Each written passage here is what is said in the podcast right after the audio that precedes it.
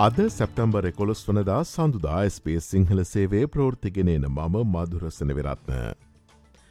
වොයිස්ටු පාලිමට ජනමත විචාරණය සඳහා තැපැල් චන්ද අයිදුම්පත් භාර ගැනීම අද විවෘත කෙරේ. ඒ අනුව කලින් චන්දය ප්‍රකාශ කිරීමේ ආරම්භය සනටුහන් කරන රිට් නමින් හැඳින් වෙන නෛතික ලේඛනය ආණ්ඩුකාර ජෙනරාල් ඩේවිඩ් හාලි විසින් අද නිකුත් කරනු ඇත. එම ලේඛනය නිකුත් කිරීම මගින් ජනතාවට තමන් චන්දහිමි නාමලේඛනය සිටින බවට තහවුරු කරගැනීමට දින හතක කාලසීමාවක්ද නියම කරයි. වර්තමාන ලෝකයේ විවේචනාත්මක සන්ධස්ථානයක් මධ්‍යේ එකට එක්වන ලෙස ඔස්ට්‍රලයනු අග්‍රාමාත්‍ය ඇන්තනි ඇල්බනිසි ජීවිස්ස සමුළුවේ සිය අවසන් කතාවේදේ රටවලින් ඉල්ලා සිටියේය.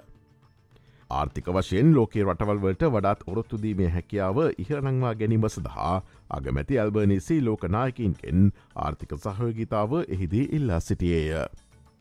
මේ අතර ජී විස්ස සමුළුවට සමගාමීව ඔස්ට්‍රලියාව සහ යුරෝප සංගමය අතර නිදහස් වෙනද කඳුනුවක් පිළිබඳ පැවැත් වූ සාකච්ඡා ප්‍රගතියක් ලබා ඇති බවද ඔස්ට්‍රලන් වග්‍රාමාත්‍ය ඇන්තනි ඇල්බනිසි ප්‍රකාශ කළේය. ජමානු චාන්සලවරයා සහ යුරෝපා කොමිසමේ සභහපතිවරයා සමඟ කළ සාකච්ඡා ඉතා සාර්ථකයවා වූ බවද අගමැති ඇල්බනිස්සි පැවසීය.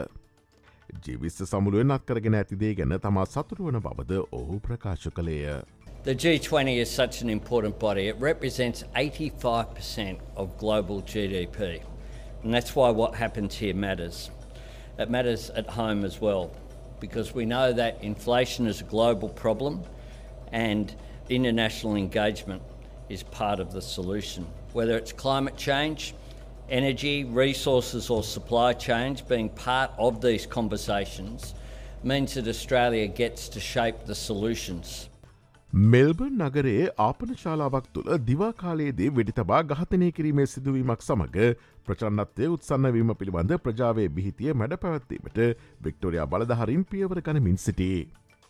පසුගේ සෙනසුරාදා උදැසන කීල විලේජීදී වැඩි වර්ෂාවක් මධ්‍යේ ප්‍රචණ්ඩ කල්ලියක ප්‍රසිද්ධ චරිතයක් වන ගැවින් ප්‍රස්ටන් මියගිය අතර ඔහුගේ මිතුරාතුවාල ලැබිය. එය ඉලක්කගත ප්‍රහාරයක් බවට පොලිසිය සැක කරයි. කෙසේ වෙතත් මෙල්බ නගරේ ඉතාමත් ආරක්ෂිත නගරයක් ලෙස පවතින බව වික්ටෝරිය පොලිසිය ප්‍රධාන කොමසාරිස් ෂේන් පැටන් පවසා ඇත. මෙම සිද්ධිය නගරේ ප්‍රචන්ඩ කල්ලි අතර ඇතිවන ගැටුම්බල නැවත ආරම්භයක් සන්ටුහන් නොකරන බව වික්ටෝරිය ප්‍රාන්ත අගමැති ඩනියල් ඇන්ඩරස් පැවසිය. Uh, it's very important that every Victorian knows and understands that Victoria Police have more resources, more powers uh, than they have ever had.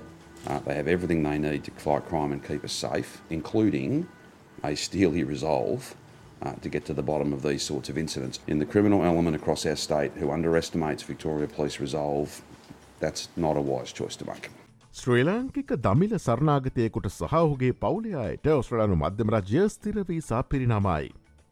සරනාගතයෙන් පිළිබඳ රජය දැනුවත් කිරීම සඳහා ඔහු කිලෝමිටර් දහස්සක පාගමනක් ආරම්භ කළ අතර එහි අවසන්දිනයේදී මෙලෙස ස්තිරවීසා පිරිනමා ඇති බවවාර්තාවේ. නිල්පාරා නැමති මෙම පුද්ගලයා ඒ සිය පාගමන අවසන් කරමින් සිටියදී මෙම ප්‍රෘතිය පැමිණි බව ආගමන කටතු පිළිබඳ නීතිඥ කැරීනා ෆෝඩ් පවසයි. නීල් පසුගේ අගෝස්තු පළමුණදා ඔහු ජීවත්තමින් සිටින බැල්රාට් සිට සියපාගමන ආරම්භ කළේය. ශ්‍ර ලංකාවෙන් වාර්තාාවන පුවත් අද වැඩස්්‍රහණය ශ්‍ර ලංකේ පුවත්තිමස්මෙන් බලාපොරොත්තුවන්න. මොරොක්කෝවේ රික්ට පරිමාණ හයදශම අටක භූමිකම්පාවෙන් මියගිය පිරිස දෙදහස් එකසිය ඉක්මව ඇති බවවාර්තාවේ. මේ සමඟ ආපදාවට ලක්වුවන්ට සහන සැලසීම සඳහා රටපුරා ජාතික මට්ටමින් ආපදා සහන ක්‍රියාවලියක් ආරම්භ කරතිබේ. මරකේෂ් සහ තදාසන්න ප්‍රදේශවල අවම වශයෙන් පුද්ගලයන් ලක්ෂ තුනක් පමණ මෙම බොහමිකම්පාවෙන් පීඩාවට පත්ව ඇති බව එක්සත් ජාතීන්ගේ සංවිධානය පවසායේ. ආසියනු කුසලාන ක්‍රකට් තරගාවලියේ සුපිරි සිව් දෙනාගේ වට යටතේ ඊයේ ආරම්භ වූ ඉන්දියාව සහ පාකිස්ානය අතර තරගය වර්ෂාව හේතුවෙන් නවතා දැමිනි.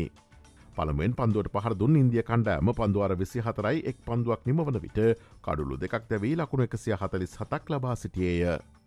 එ අනුව තරගය එතැන් සිට අද යළි පැවැත්වේ.